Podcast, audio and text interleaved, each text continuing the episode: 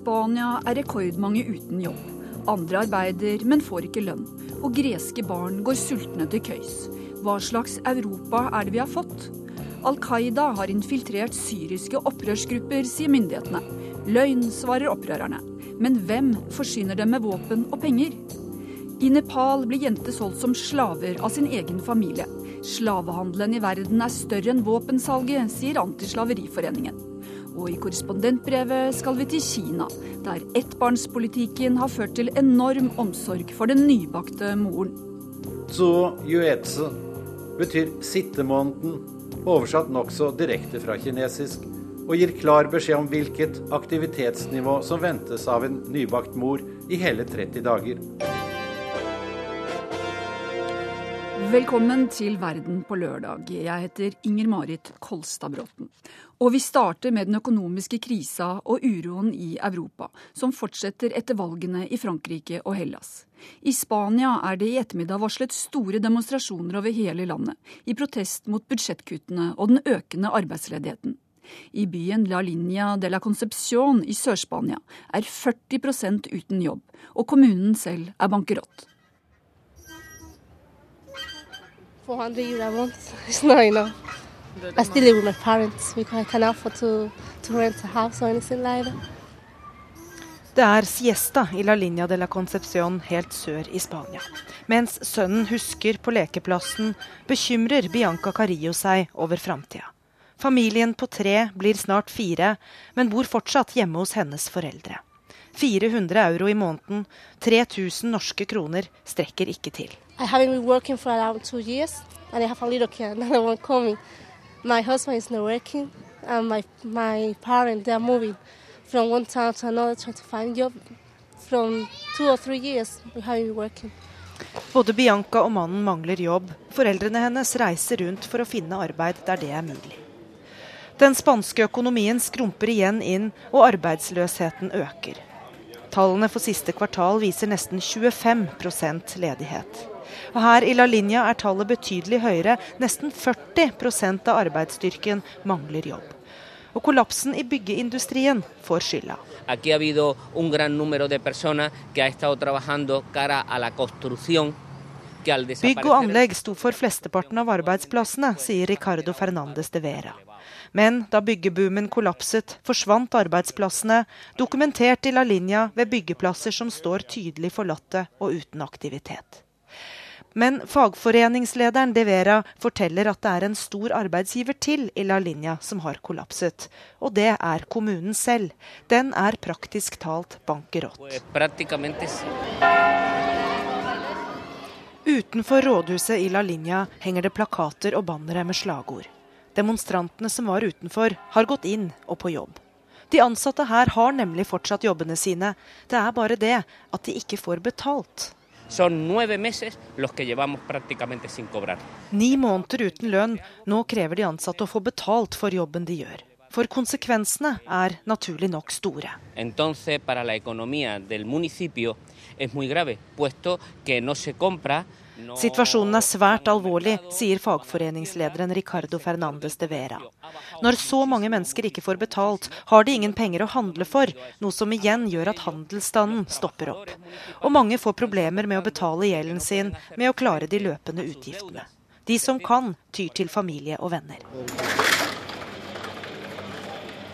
Siestaen i La Linja er over. Butikkene i hovedgata åpner igjen, og håper at kundene kommer. Den spanske regjeringen gjør nå hva den kan for å skape nytt liv i økonomien, som igjen er inne i resesjon. Men beregningene er dystre. I går kom ferske tall fra EU-kommisjonen som viser at Spania trolig går med større budsjettunderskudd enn beregnet. Det samme gjelder Italia og Frankrike. De klarer ikke skape den nødvendige veksten.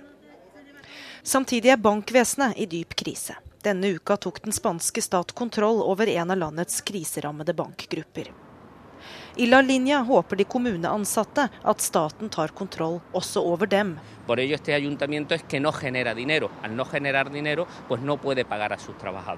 Kommunen trenger skatteinntektene som ikke lenger kommer inn, for å få betalt sine ansatte. Imens sitter en vordende tobarnsmor på en lekeplass og vurderer hvordan framtida skal se ut. Kanskje blir den utenfor Spanias grenser. Maybe moving to another country or moving to another city. Og det var korrespondent Gry Blekastad Almås som hadde laget dette innslaget fra Sør-Spania. Arbeidsledigheten i Spania er altså rekordhøy, og her hører vi om folk som går på jobb uten å få lønn. Samtidig så skriver Aftenposten at hvert fjerde greske barn lever i fattigdom, og at mange går sultne til sengs. Steinar Medios, du er økonomikommentator her i NRK. Og hva tenker du om denne utviklinga? Den kjente Arbeiderpartipolitikeren Gudmund Hernes eh, kaller dette i Morgenbladet i går for eh, Europas eh, mørke kollaps. Og det tror jeg jeg må være enig med han i. Dette er uverdig, og det er farlig. Og vi ser nå i flere europeiske land at en hel generasjon risikerer å bli stående utenfor arbeidslivet. Hvorfor er det farlig? Det er farlig fordi det, eh, vi får et uh, mer polarisert uh, Europa. Vi får et Europa hvor det sosiale limet går i oppløsning, ikke bare mellom mennesker, men mellom land.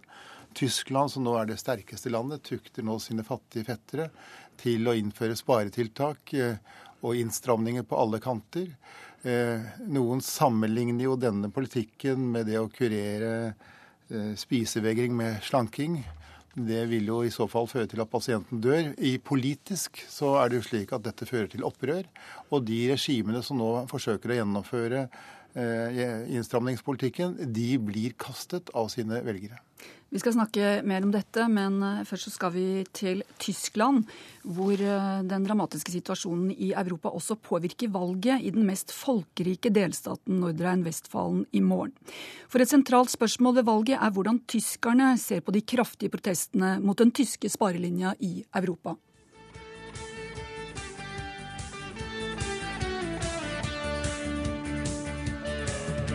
Ihr wollt an unsere Kohle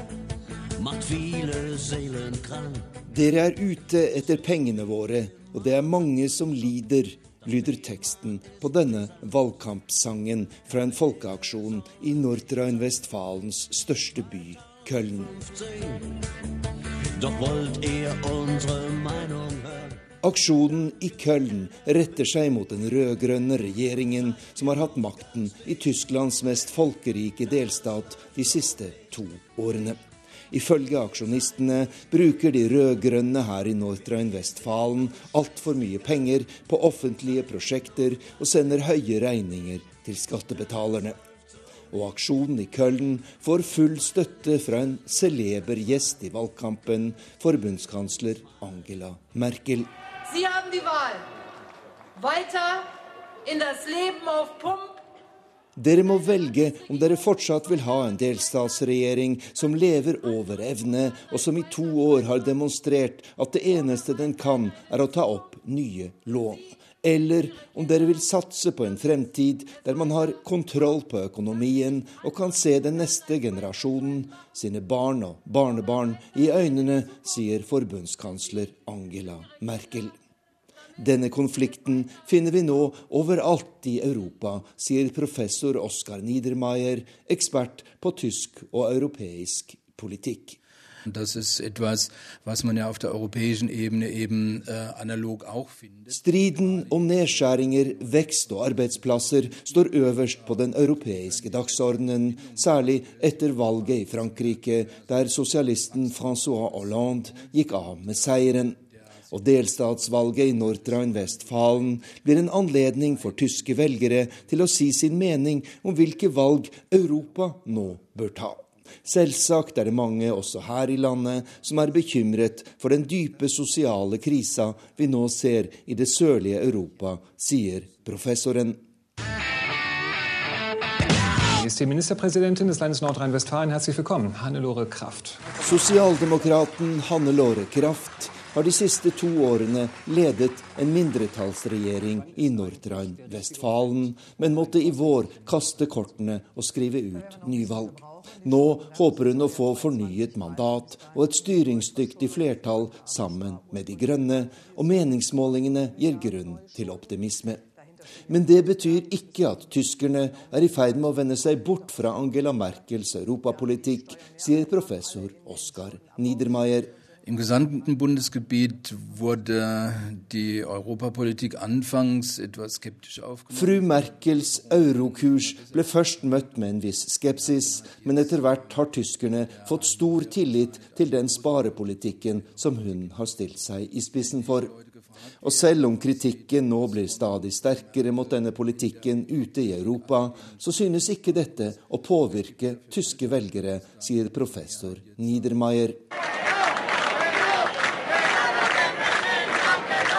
Spania vakler på kanten av eurostupet.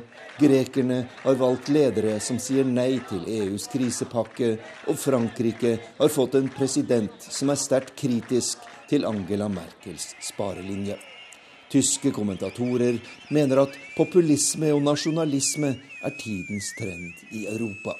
Kan dette også slå inn i tysk politikk foran neste års Forbundsdagsvalg. In Deutschland sehe ich eine populistische Gefahr überhaupt nicht. Wir haben Jeg ser overhodet ikke noen slik populistisk fare i Tyskland. Og jeg kan ikke tenke meg at noen partier vil slå inn på en slik kurs foran neste års forbundsdagsvalg.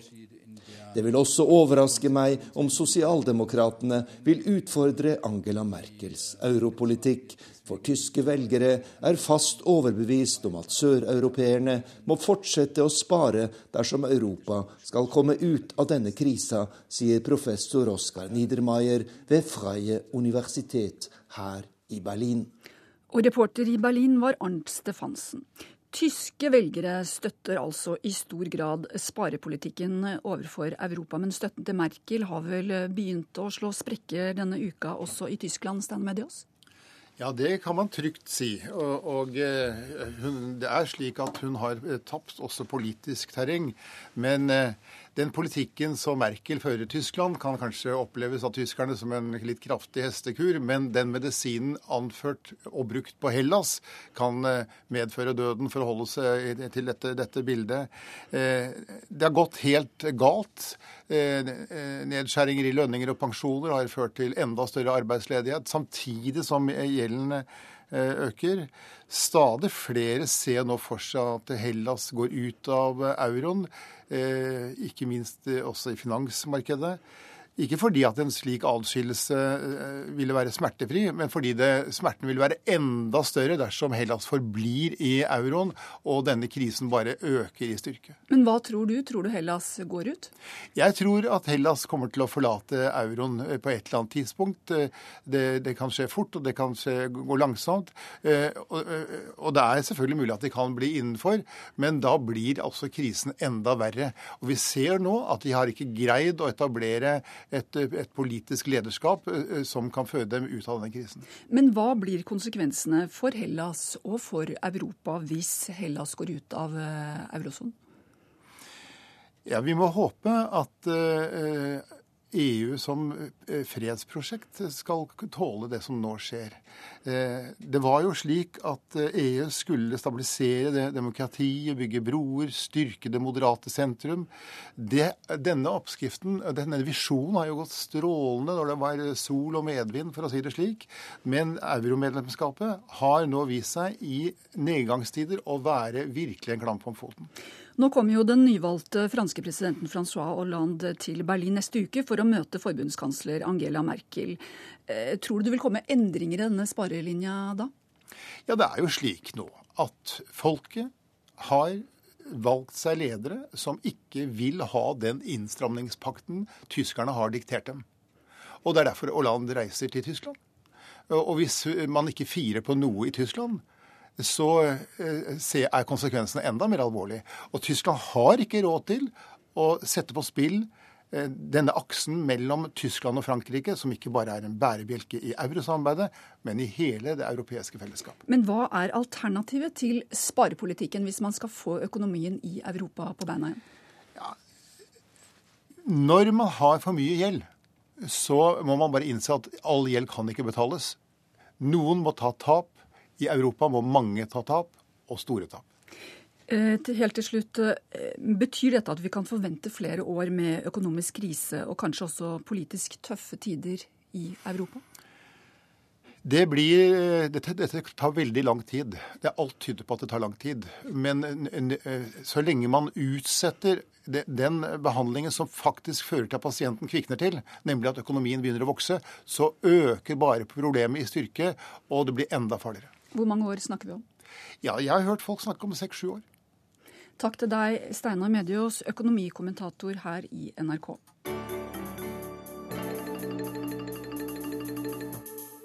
Nå til Syria. Myndighetene i landet har overlevert en liste til FNs sikkerhetsråd med navn på utlendinger som er tatt til fange eller drept i kamper med syriske styrker. Mange eksperter mener bombeangrepet i hovedstaden Damaskus denne uka ligner på Al Qaida-aksjoner. Og flere eksperter advarer nå om at opprøret mot Assad-regimet kan bli dominert av radikale og militante islamistgrupper. Dimashok.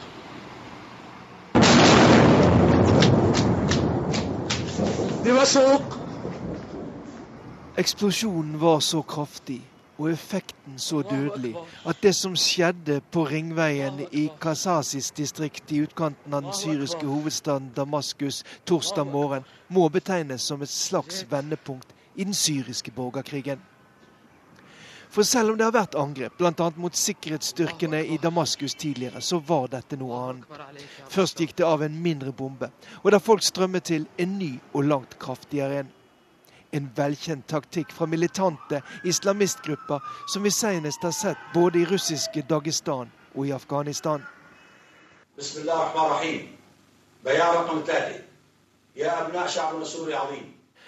Oberst Qasem Sadedine talsmann for de som kaller seg Den frie syriske armé, var raskt ute med å fordømme angrepet, men sa at dette var verket til president Bashir al-Assads regime, for å diskreditere opprørerne.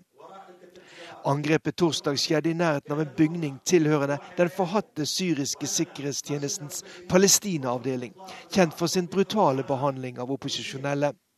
Men de fleste av de 55 drepte og flere hundrede sårede skal ha vært sivile. Angrepet var derfor målrettet, selv om det ikke tok hensyn til at det skjedde med folk på vei til jobb og barn på vei til skolen.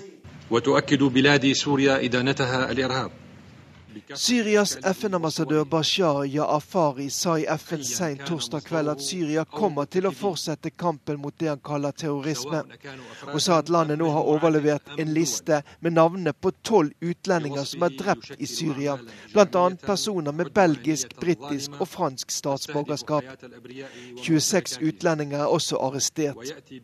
Tidligere har Vesten ofte sagt at Assad-regimet bruker Al Qaida og terroristspøkelset bevisst for å forsvare forsvare sin maktbruk mot det 15 måneder lange opprøret i Syria.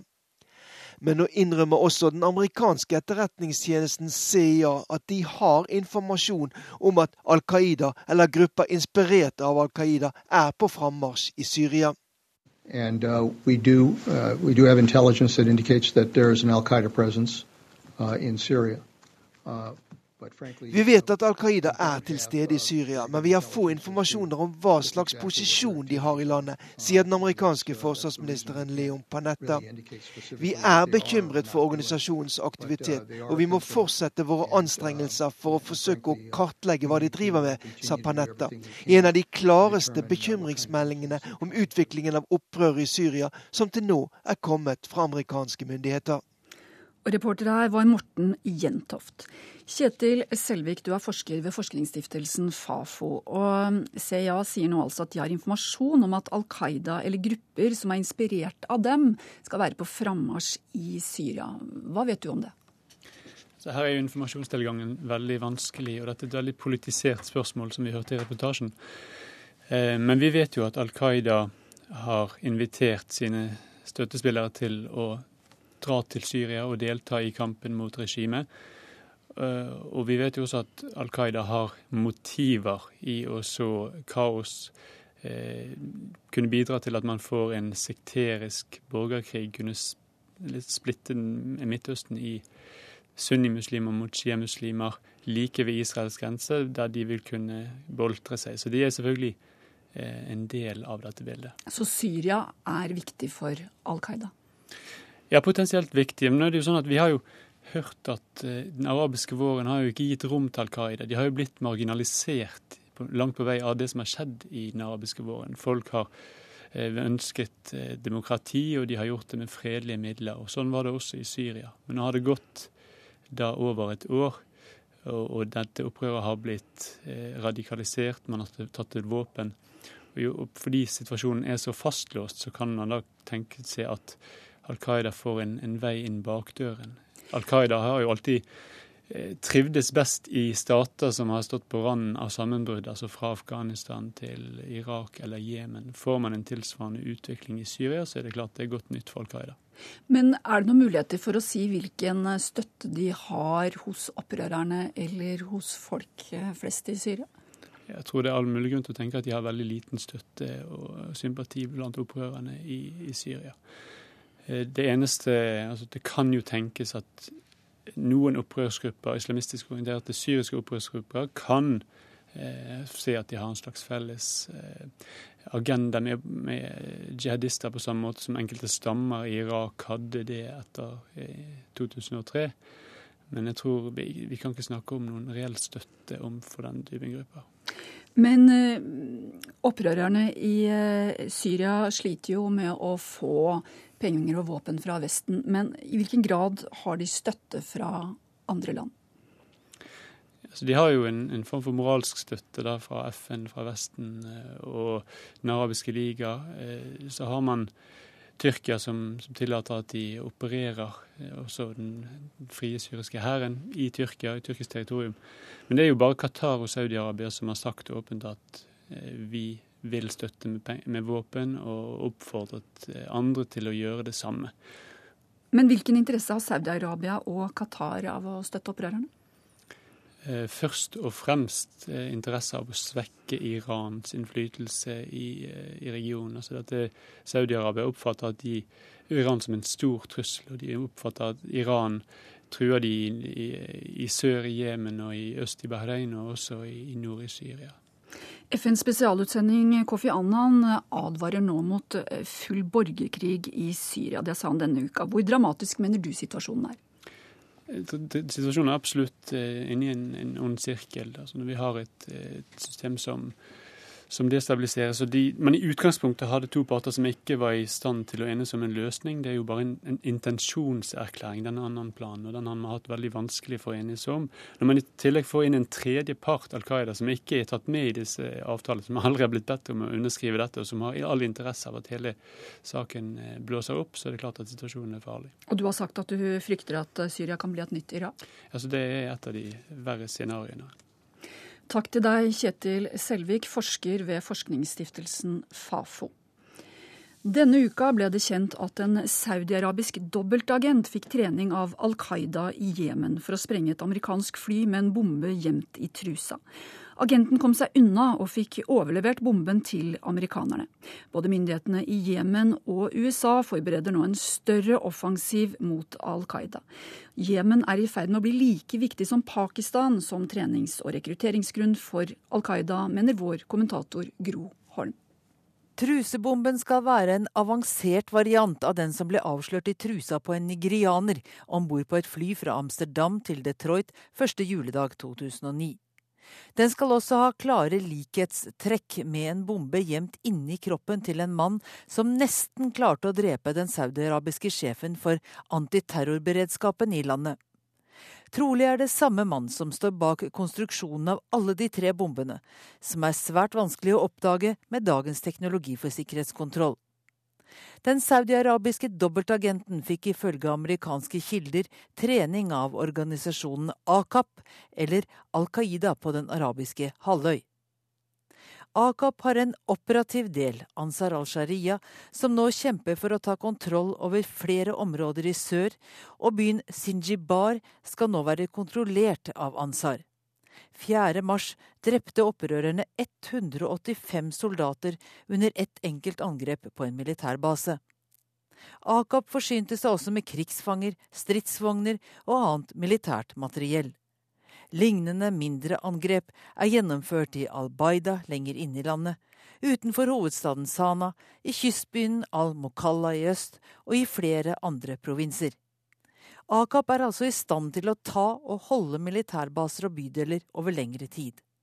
Al Qaida i Jemen har utviklet seg fra terrornettverk til opprørsbevegelse, og amerikanske myndigheter frykter at de har fått hjelp av amerikanske statsborgere som har reist til Jemen under dekke av å skulle lære seg arabisk. Men parallelt med at AKAP med søsterorganisasjonen Ansar al-Sharia kjemper en lokal kamp, skal de ha spesielle grupper som forbereder seg på terrorangrep mot amerikanerne. Det var utenfor havnebyen Aden at Al Qaida lykkes med å drepe 17 amerikanske marinesoldater om bord på skipet USS Cole allerede året før 11. Osama bin Laden var helt i det siste fanatisk opptatt av hovedfienden USA, og i Jemen fant han gehør. Men for andre gang har Akap nå altså mislyktes i forsøket på å ramme den sivile luftfarten. Hvem er de så, og hva mer vil de? Ifølge en rapport til det amerikanske senatets utenrikskomité har Al Qaida i Jemen en kjerne av folk med bakgrunn fra kamper i Afghanistan og Irak. En del har sluttet seg til lokale celler med folk som har en viss kontakt med Al Qaida utenfor landet, men som regel opererer cellene uavhengig av ledelsen i Pakistan. Endelig finnes det en gruppe selvradikaliserte individer, unge menn uten forbindelser til Al Qaida utenfor Jemen, men som er tiltrukket av den strenge religiøse praksisen eller av hellig krig mot USA og Vesten. I 2009 ble Al Qaida i Saudi-Arabia og Jemen slått sammen, derfor tilnavnet på den arabiske halvøy. Saudi-Arabias etterretning har vært langt mer effektiv enn kollegene i Jemen når det gjelder å hindre Al Qaida å få fotfeste. Mange saudiere har derfor dratt sørover for å slutte seg til organisasjonen i Jemen. President Sales fall og kaoset revolusjonen har skapt i de væpnede styrker og politiet, har gjort det enklere for Akap å komme på offensiven. Saudi-Arabia frykter nå at Al Qaida vil ta kontroll over en korridor med byer og tettsteder fra kysten i sør, tvers gjennom landet og til den saudiske byen Nairan like over grensa i nord. Landet stoler ikke på at amerikansk etterretning gjør jobben, derfor sender de sine egne, både enkle og doble agenter skjønt egne. Den siste trusebomberen, dobbeltagenten, skal ha hatt britisk pass, meldes det nå. MI5 skal ha rekruttert ham i Europa. MI5 kommenterer ikke, men lekket har det like fullt. Sånn er det kanskje å ha suksess som agent. Alle vil ha en snipp av æren. Du hører på Verden på lørdag i NRK P2. Klokka er snart 11.31. Og videre i sendinga får du høre om et minnesenter for krigen i Libya, der bl.a. Gaddafis Kalasjnikov i sølv er utstilt. Og i korrespondentbrevet får du høre at nybakte mødre i Kina helst ikke skal gjøre noe som helst den første måneden etter fødselen.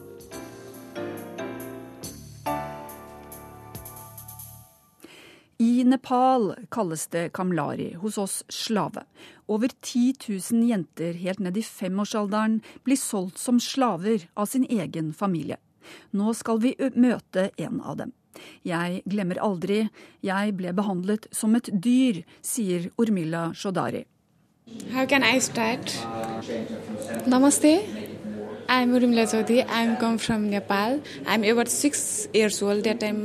Jeg heter Urmila Shodari. Da jeg var seks år, ble jeg solgt av foreldrene mine. Um, I have no good memory any my childhood.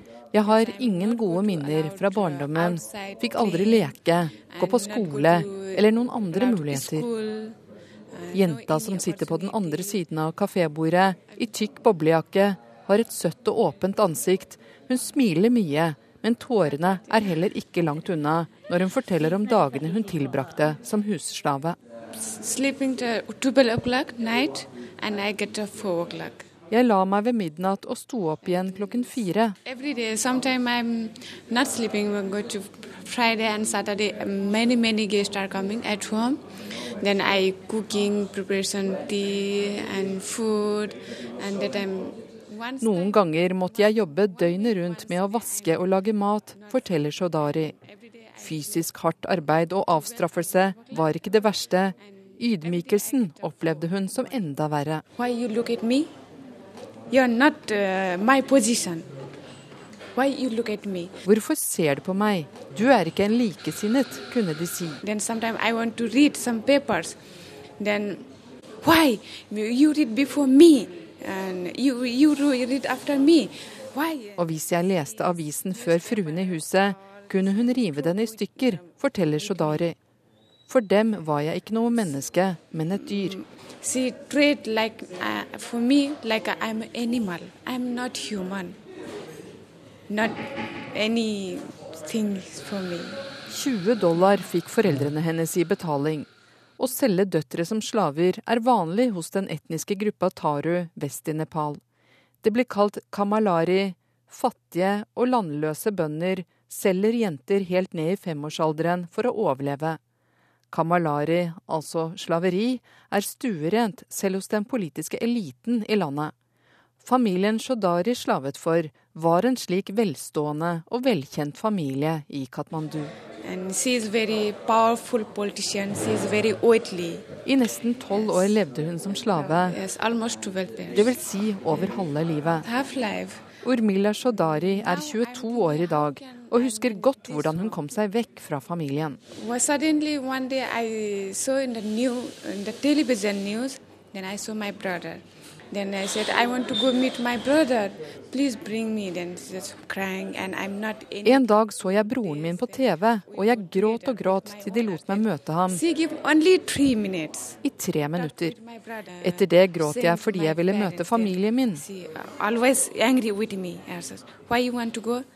De ble veldig sinte, men til slutt fikk jeg ringe broren min, som hentet meg. I landsbyen fikk hun vite om en organisasjon som kunne hjelpe henne vekk fra eierne sine. Hun var 17 år og fri. Forholdet mitt til foreldrene er bra. Hun kjemper nå for jenter som fortsatt er fanget i Kamalari-systemet, og leder en organisasjon grunnlagt av tidligere jenter og kvinner som har vært slaver.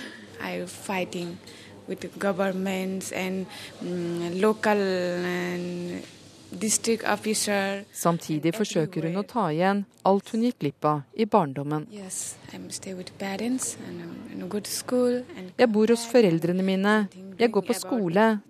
Are they sorry for what they did to you? Yes, and sometimes it's newspaper. Then my father and mother they can't read, and somebody said, "Oh, your daughter news, your daughter photo." Then, oh, and they, they are happy with me, and they said, "Oh, daughter, sorry." De er veldig stolte når de får høre om det som står meg i avisen. De sier at de ikke forsto og er lei seg. Nå støtter de meg hele veien. For henne har kampen mot slaveriet blitt et livsprosjekt.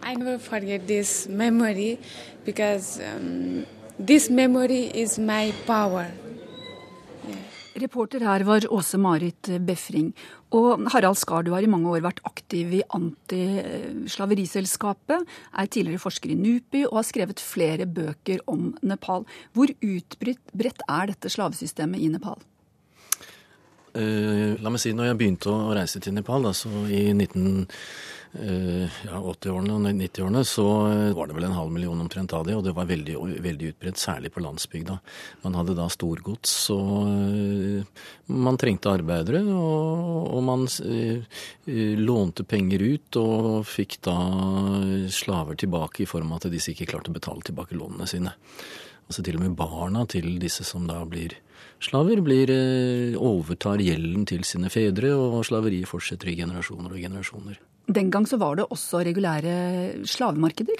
Det var, det, og det er det fremdeles. altså 1.1., eh, eller mag, da når eh, den nepalesiske Bikram Shah-kalenderen begynner, så, så, så, gjør man opp arbeidskontrakter for et år fremover, og disse er slavekontrakter. På den annen side kan du si at dette er et land hvor arbeidsløsheten i visse områder er i hvert fall opptil 50% i, i deler av dette landet. Det er et av de fattigste landene i Asia.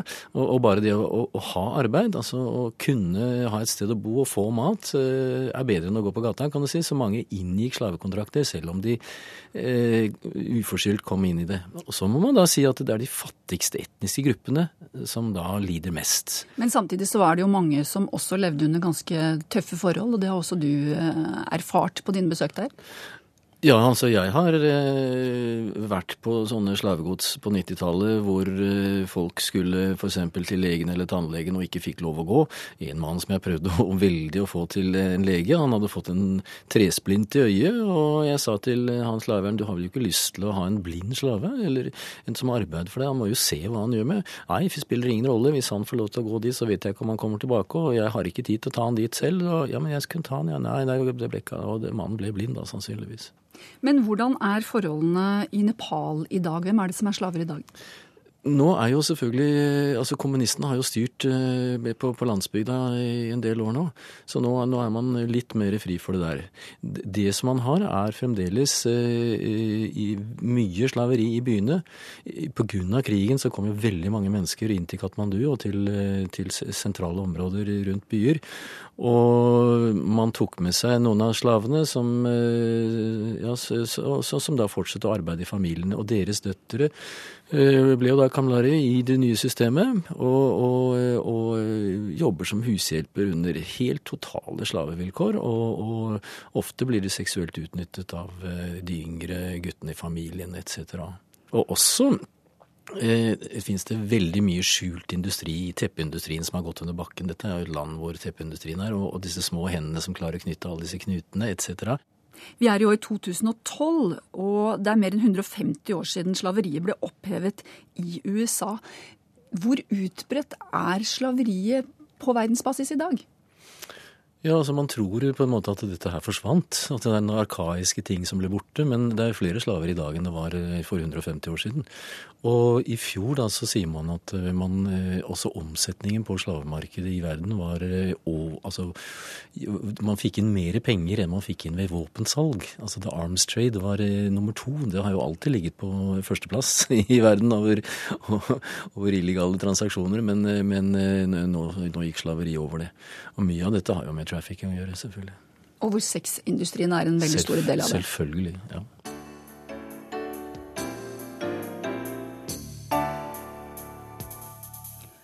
Om to uker er det finale for eh, Eurovision Song Contest i Baku i Aserbajdsjan. Og menneskerettighetsorganisasjoner er bekymret for situasjonen i landet. Men Aserbajdsjans mest kjente opposisjonelle sier til NRK at dissidentbevegelsen har overlevd seg selv, og at faren for islamisering er den største faren nå.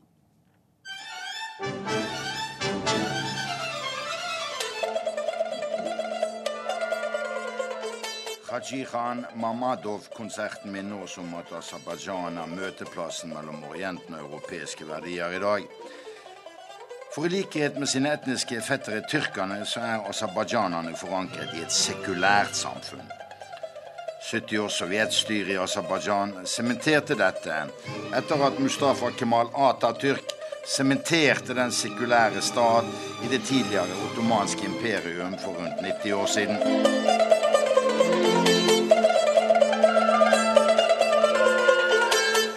Aserbajdsjan var sterkt påvirket av Tyrkia, men i dag kaller redaktør Einullah Fatulayev Aserbajdsjan for en sandwich-stat. Både historisk, politisk og kulturelt har Aserbajdsjan ligget her mellom det persiske riket, det ottomanske imperium og det russiske imperiet. Fatulayev er sjef for nettavisen Det virkelige Aserbajdsjan. Han satt fire år i fengsel frem til slutten av mai i fjor for sin dissidentvirksomhet, men mener nå dissidentene har overlevd seg selv som bevegelse. Вот я в последнее время повторяю, что, скажем, э, лет 30 назад, в период конфронтации Запада и Востока Ja, denne bevegelsen har overlevd seg selv. I det siste påpeker jeg stadig at det var en konfrontasjon for 30 år siden mellom vest og øst. Sovjetunionen og Vesten var to systemer. Så i vest var dissidentene både populære og etterspurt, og ble møtt som helter i vest. I dag trenger ikke Vesten disse opposisjonelle fra disse landene med problematiske demokratier, sier Einullah Fatulayev, som 3. mai fikk Unescos pris for sin kamp for en fri presse her i Aserbajdsjan under en seremoni i Tunis. Aserbajdsjans mest berømte dissident som denne uken er på nordiske mediedager i Bergen, fremholder også at grunnen til at dissidenten har utspilt sin rolle, er at Vesten mener de nye statene i de tidligere sovjetrepublikkene selv får prioritere å bygge et demokrati, Og Fatulayev understreker at ingen må tro Vesten sender fallskjermstyrker fra himmelen for å åpne ild i Aserbajdsjan til kamp for demokratiet. Derimot ser han dette som den store utfordringen for menneskerettighetsforkjemperne nå i Aserbajdsjan. За последние 10 месяцев в Азербайджане разоблачены и арестованы свыше 15 группировок, которые были связаны открыто с иранской разведкой и пытались внутренне подорвать ситуацию. De siste ti måneder er mer enn 15 islamske ulovlige grupper som sto i ledtog med Irans etterretningstjeneste, avslørt og arrestert her i Aserbajdsjan. De prøvde å undergrave situasjonen her i landet, og dette er en ny faktor. Islamske grupper fra Iran prøver hele tiden å undergrave vårt verdslige samfunn, og Iran sender aserbajdsjanere hit. For 35 millioner aserbajdsjanere bor jo inne i Iran. Husk også at 80 av befolkningen her i Aserbajdsjan bekjenner seg til shia-muslimsk trosretning, som jo iranerne også tror på. Så her er en grobunn for Iran til å posisjonere seg i Aserbajdsjan, sier Einullah Fatulayev til NRK. Det samme bildet ser vi i den russiske delrepublikken Dagestan rett nord for Aserbajdsjan. I juni i fjor likviderte radikale islamistgruppa Dekanus Maksmud Sakayev ved universitetet i Makhachkala fordi denne prelaten nettopp advarte mot radikal islamisering i Dagestan. Så Dagestan har blitt problemområde nummer én for islamsk terror inne i Russland. Derfor er det oppsiktsvekkende at Aserbajdsjans mest berømte dissident i praksis nå forlater politistatkritikken av regimet i Aserbajdsjan for å egne seg til forsvaret av det verdslige samfunn. Eurovision Song Contest vises naturligvis ikke i Iran og nabostaten Turkmenistan, mens mange unge her i Aserbajdsjan ser dette arrangementet som en anledning til å markere et europeisk ansikt, verdigrunnlag, og derfor sier Fatulayev at det var naivt å tro at Melodi Grand Prix skulle la seg lede av parolen 'en sang for demokrati', for først må det sekulære samfunn forsvares i Aserbajdsjan. Hans-Wilhelm Steinfeld, Baku.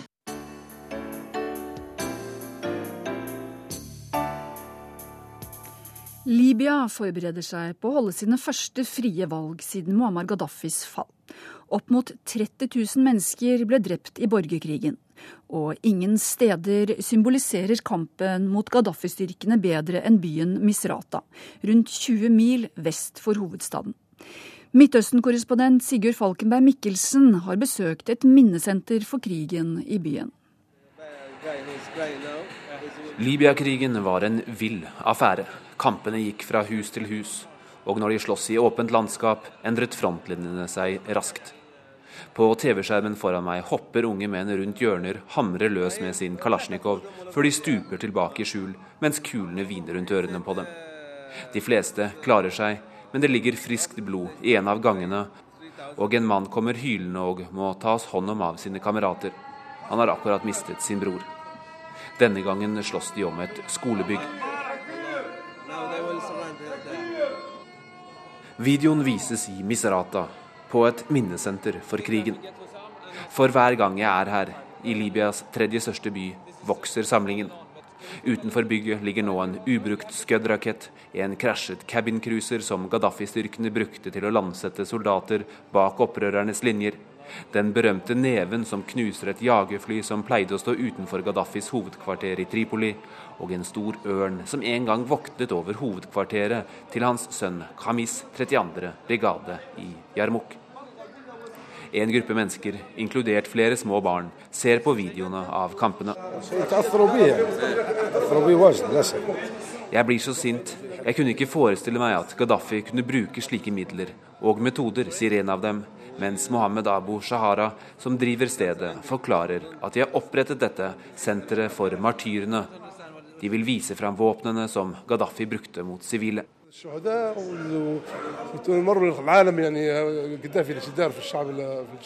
Veggene er tapetsert med ansikter, bilder av mennesker som enten ble drept eller er savnet fra krigen.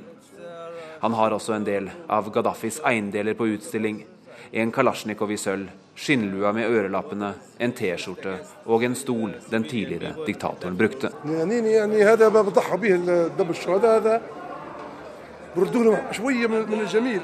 Vi vil gi alt tilbake til de som spilte sitt blod for denne byen. Vi er alle frivillige her, som hører til i gata. Selv er jeg butikkeier, forklarer han. Minnesenteret ligger i Tripoligaten, hovedferdselsåren inn til byen. Utenfor står fortsatt utbombede bygg og i stykkerskutte vegger. Det var her frontlinjen sto da Gaddafi-styrkene beleiret Misrata i flere måneder. Byen klarte å stå imot, med en blanding av heltemot, krigsvilje og etter hvert hjelp fra utsiden via sjøveien. Shahara har også noen av våpnene opprørerne brukte.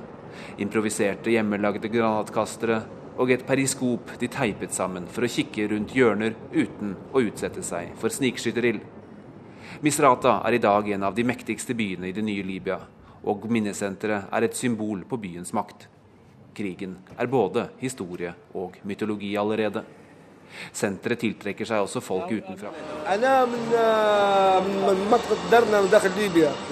Jeg kommer fra Øst-Libya, og det er første gang jeg kommer hit. Jeg vil se hva som skjedde. Før har jeg bare sett det gjennom media, sier Mandou Sadoue. Og han lar seg imponere. Han kunne gjerne tenkt seg å flytte til byen, mens Nasim, som er egypter på forretningsreise, bruker en av fridagene sine på å besøke senteret. Um, uh,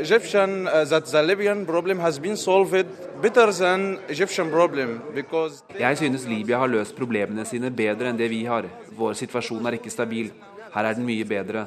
Og det har allerede løst situasjonen en gang for alle med Gaddafis død, sier han. Her tar nok Nasim munnen for full. Problemene står i kø for Libyas overgangsmyndigheter. Det florerer med våpen. Tidligere i uken var det en skuddveksling rundt statsministerens kontor, og et menneske ble drept. Kontoret ble angrepet av misfornøyde soldater som venter på betaling. For som resten av landet er veteransoldatene utålmodige. De vil ha forandring og forbedring av dagliglivet. Det har ikke libyerne sett mye til ennå. Men blant skuddraketter, krasjede cabincruiser og kalasjnikover i sølv er hverdagen langt unna og Misrata-borgere og andre libyere kan la seg frakte tilbake til krigens dager, den gangen de hadde en felles fiende ved navn Muammar Gaddafi.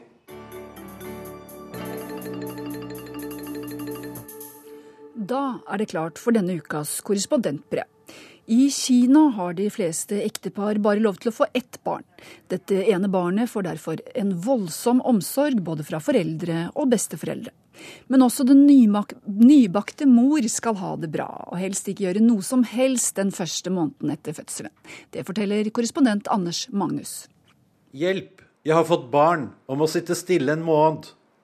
Nødropet kom fra en av de kvinnelige kinesiske ansatte ved vårt felles skandinaviske korrespondentkontor i Beijing. Hun sendte ut en lettere frustrert e-post til oss kolleger etter at hun hadde født det ene barnet hun får lov til av kinesiske myndigheter. Det er så mange ting jeg ikke kan gjøre denne første måneden etter fødselen. Min mor nekter meg å lese bøker, og jeg får heller ikke lov til å se på TV eller bruke datamaskinen. Så utfordringen for meg er ikke bare å være en god mor, men også være en god datter denne måneden, skriver hun. Kollega Fang Ifei er en moderne, oppegående kvinne. Lynrask på data og svært glad i å følge med både i aviser og på TV, og ikke minst lesebøker. Nå kom den kinesiske tradisjonen rullende innover henne med full tyngde. Hun var ikke godt nok forberedt på hvilke forbud og restriksjoner som kinesiske mødre må innordne seg, særlig den første måneden etter fødselen. Zuo yuezi betyr sittemåneden, oversatt nokså direkte fra kinesisk, og gir klar beskjed om hvilket aktivitetsnivå som ventes av en nybakt mor i hele 30 dager. Tradisjonen er flere tusen år gammel, og er bl.a. nevnt i boka I Ching, en av de aller tidligste klassiske kinesiske tekster. Jeg kjøper med meg noen søte barneklær og drar på besøk til min kollega Ifei. Hun viser stolt fram sin sønn Wei Hang og presenterer meg for to andre kvinner som oppholder seg i leiligheten sammen med henne for å ta seg av det vesle barnet. Hennes mor og hennes hushjelp. Selvsagt trenger man hushjelp, selv om mormor har kommet langveisfra for å ta seg av barnet den første tiden. Selv skal hun ikke gjøre noe som helst, annet enn å amme barnet. Og hadde min svigermor hatt anledning, ville hun også ha kommet og bodd her sammen med oss, sier Ifei. Fire kvinner i en liten leilighet for å ta seg av det nyfødte. Stakkars mannen i huset, tenker jeg. De strenge reglene for nybakte mødre starter alt ved fødeklinikkens utgangsdør.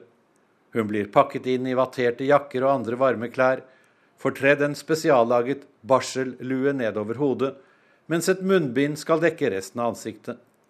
Hun må ikke få den minste pust av vind mot naken hud.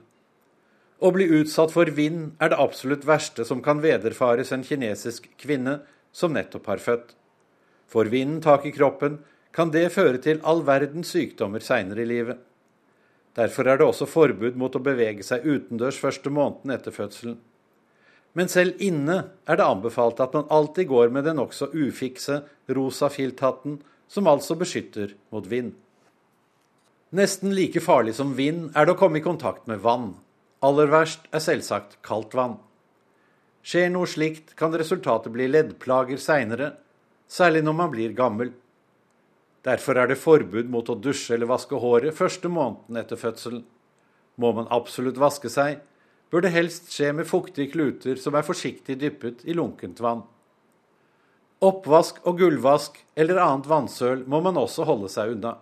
Til slikt arbeid har man dessuten ajien, som hushjelpen kalles i Kina. Rundt mor og barn må de andre kvinnene i leiligheten bevege seg med forsiktighet og lav stemme, og for all del ikke utsette mor for sterke emosjoner. Begynner hun å gråte, er 101 ute. Da kan øynene bli skadet for resten av livet. Det er også noe av årsaken til forbudet mot å lese romaner og se på TV. Kanskje blir man da utsatt for en så trist fortelling at tårene begynner å trille. Tenner er også et problem. Ifølge kinesisk tradisjon sitter de nokså løst etter at en kvinne har født, så kun myk mat må stå på menyen den første måneden. Supper og grøt er tingen, og det skal spises mye. Jeg får åtte måltider om dagen, forteller Ifei og ser bort på sin mamma. Mormor vokter tradisjonen, og det er hun som vet hva slags mat en nybakt mor skal ha i seg. Det må ikke være noe som er hardt å tygge, og heller ikke rå grønnsaker eller frukt. Sterkt krydret mat er bannlyst, og rettene skal tilberedes varme eller lunkne. Salat er helt uaktuelt, likeså enhver form for sjømat. Svinelever er derimot fine saker. Den sørger for å stanse blødninger og må helst serveres til frokost eller lunsj, aldri seint på dagen.